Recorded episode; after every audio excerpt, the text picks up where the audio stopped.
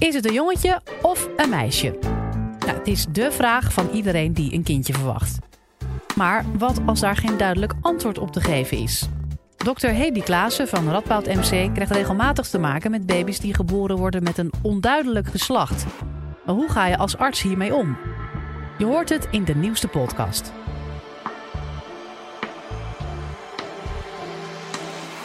Dit is de Universiteit van Nederland. Is het een meisje of een jongen? Dat is meestal de eerste vraag die ouders hebben na de geboorte van hun kind. En vaak doen ouders er veel moeite voor om al voor de geboorte achter te komen of ze een jongetje of een meisje krijgen. Ze willen dat dolgraag weten. De geboortekaartjes zijn al klaar, de schuit en muisjes is in huis gehaald en de kinderkamer is passend ingekleed. Meestal is dat geen probleem. Maar soms, heel soms, wordt er een kindje geboren waarvan het geslacht niet direct duidelijk is. Is het nou een meisje of is het nou een jongen? Hoe kan dat nou? Het is toch geen het? Ik ben kinderarts en werk in een expertisecentrum waar we kinderen onderzoeken die, nou, geboren worden met een onduidelijk genitaal. Waarvan we dus niet direct kunnen zien of het een meisje of een jongen is. Het is heel zeldzaam. Ik schat dat er zo'n 30 of 50 kinderen per jaar geboren worden in Nederland. Het is dus ook niet verbazend dat men daar nog nooit van gehoord heeft. En het is dan ook niet verbazend dat geboorte van een kind met een onduidelijk slacht ouders enorm overvalt. Geslacht is namelijk heel belangrijk, omdat wij in de maatschappij mensen indelen in man en vrouw, in meisje en in jongen. We komen het overal tegen. Op school, op documenten, bij het boodschappen doen. Het is dus heel belangrijk. Maar hoe komt het dat een kind soms geboren wordt met een onduidelijke slacht? En welke dilemma's komen wij als behandelteam tegen bij de beslissingen die moeten nemen voor zo'n kind? Hier gaat dit verhaal over. Nou, om te begrijpen waarom een kind geboren wordt met een onduidelijke slacht, moeten we terug naar de eerste week van de zwangerschap. In deze periode is het uitwendig genitaal nog niet ontwikkeld en zien alle kinderen uitwendig precies hetzelfde uit. Het is dus onmogelijk om het geslacht van het kind in deze fase vast te stellen. En ook in de buik van het kindje liggen alle structuren klaar om je tot een jongen of een meisje te ontwikkelen. Je kunt dus alle kanten op. De verdere ontwikkeling van het kind is afhankelijk van de hormonen die het kindje maakt. Maakt het kind mannelijke hormonen uit de balletjes die zich ontwikkelt, dan gaat deze neutrale structuur uitgroeien. Het knopje gaat uitgroeien tot een penis en de twee walletjes gaan sluiten als een rits van beneden naar boven. En ook inwendig, onder invloed van de hormonen die de balletjes maken, verdwijnt de structuur die de baarmoeder gaat vormen, ontwikkelen zich de mannelijke inwendige organen, dalen de balletjes af. Als er geen mannelijke hormonen gemaakt worden, zoals bij een meisje, eierstokken, dan blijft het geslacht klein en ontwikkelt zich verder tot een vrouw. En ook inwendig kunnen zich de organen van een vrouw, de baarmoeder, ontwikkelen. Deze situatie is niet altijd zwart-wit. Met aan de ene kant een meisje en aan de andere kant een jongen. Nee, het kan ook ergens blijven steken. Stel dat het balletje ziek is en niet voldoende testosteron maakt. Dan vindt de vermannelijking plaats, maar blijft ergens steken. Wordt niet afgemaakt, zoals in het midden, deze figuur.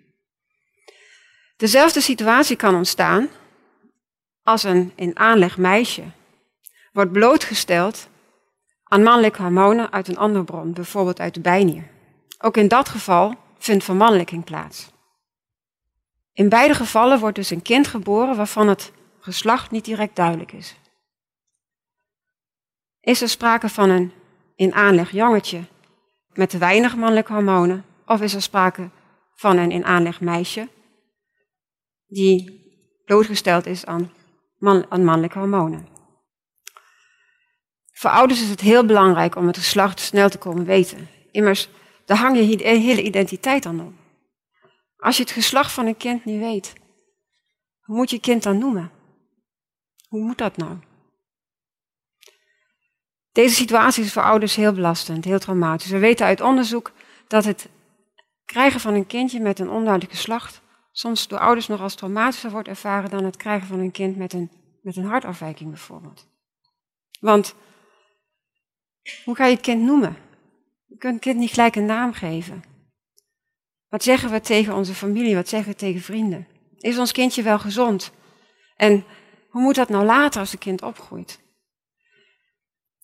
We kennen de angsten en de zorgen van ouders en we proberen dan ook zo snel mogelijk de oorzaak op te sporen en duidelijkheid te geven. Maar welke onderzoeken kun je dan doen om meer duidelijkheid te geven? Nou, we kunnen het even opzoeken op internet. Daar staat het.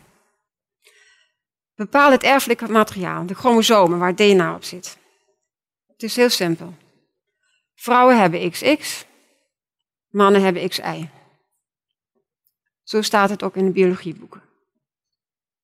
Juliette is geboren met een intersexconditie.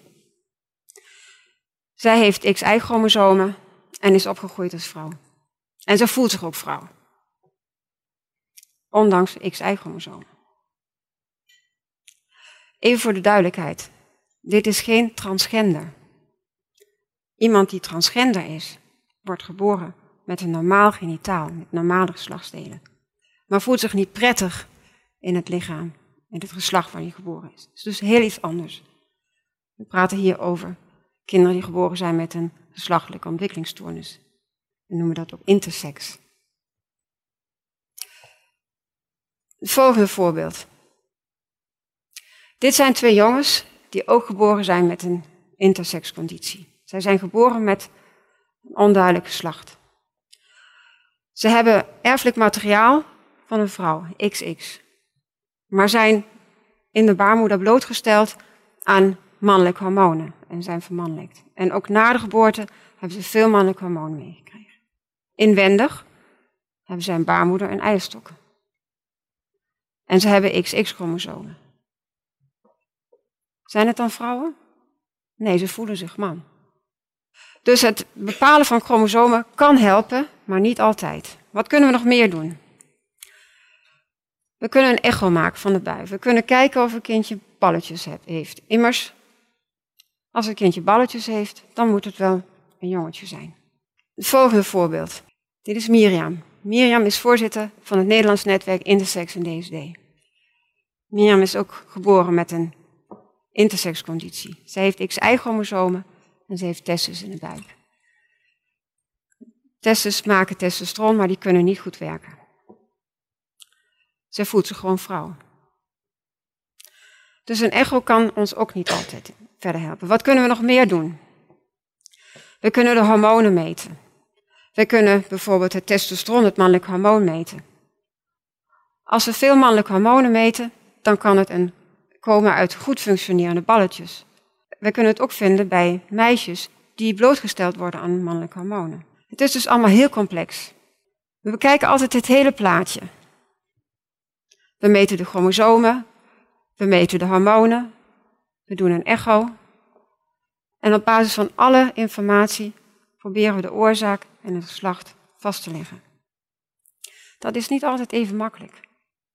Soms zien we kinderen met veel mannelijke kenmerken, maar die wel een baarmoederstructuur hebben.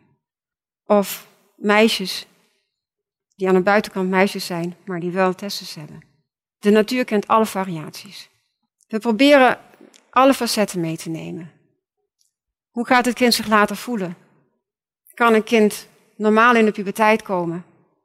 Kan het kind vruchtbaar zijn?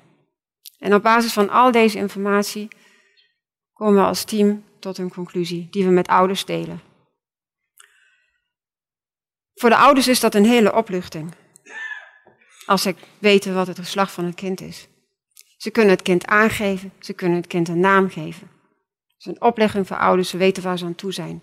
En het kind in zekere zin ook. Wat is dan de volgende stap?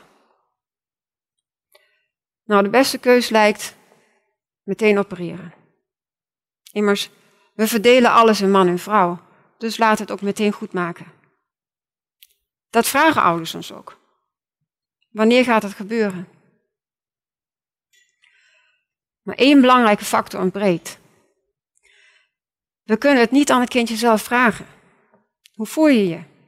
Wat wil je zelf? Of kunnen het misschien beïnvloeden door, door opvoeding en door, door de omgeving? Nou, de medische wereld werd jarenlang beïnvloed door de theorieën van de psycholoog en de seksuoloog John Money in de jaren 50.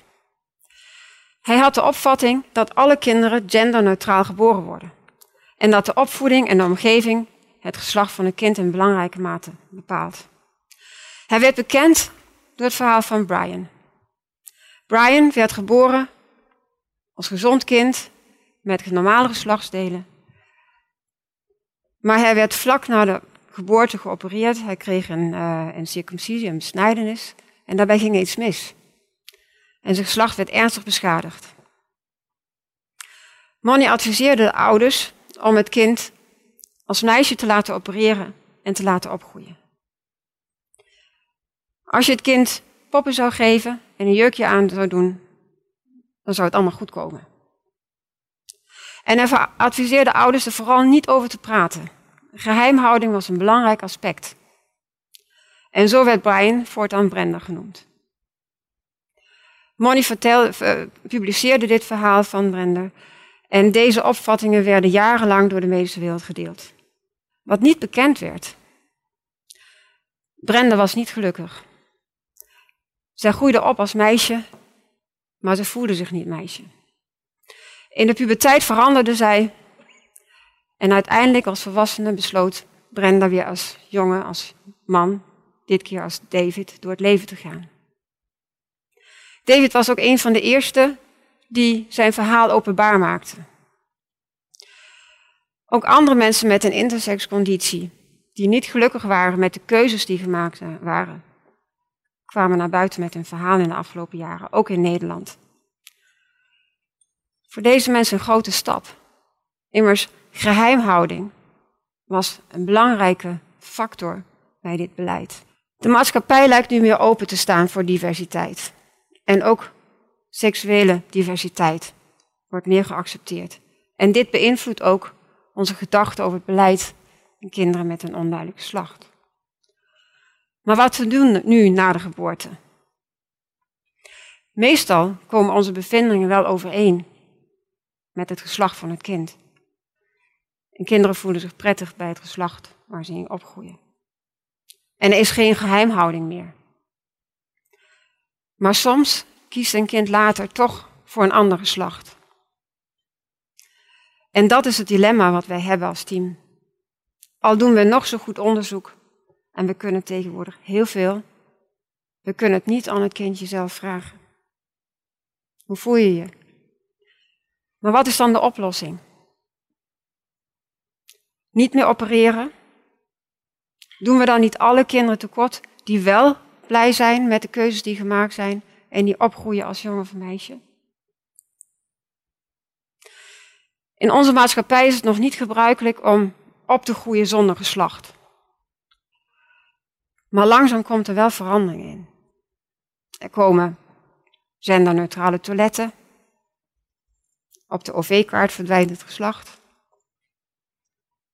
En er zijn ouders van een kind met een intersexconditie die hun kind genderneutraal op laten groeien.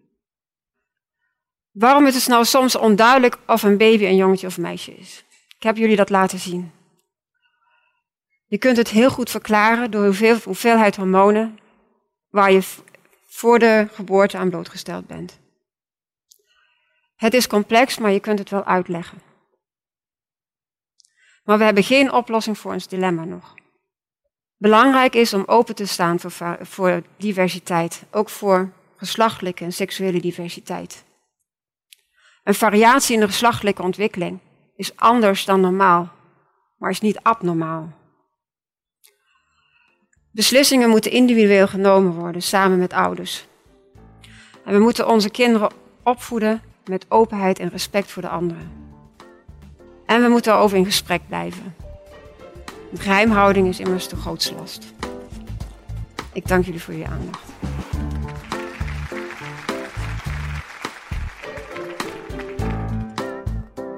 Dit was de Universiteit van Nederland. Wil je nou nog meer wetenschappelijke antwoorden op spannende vragen? Check dan de hele playlist.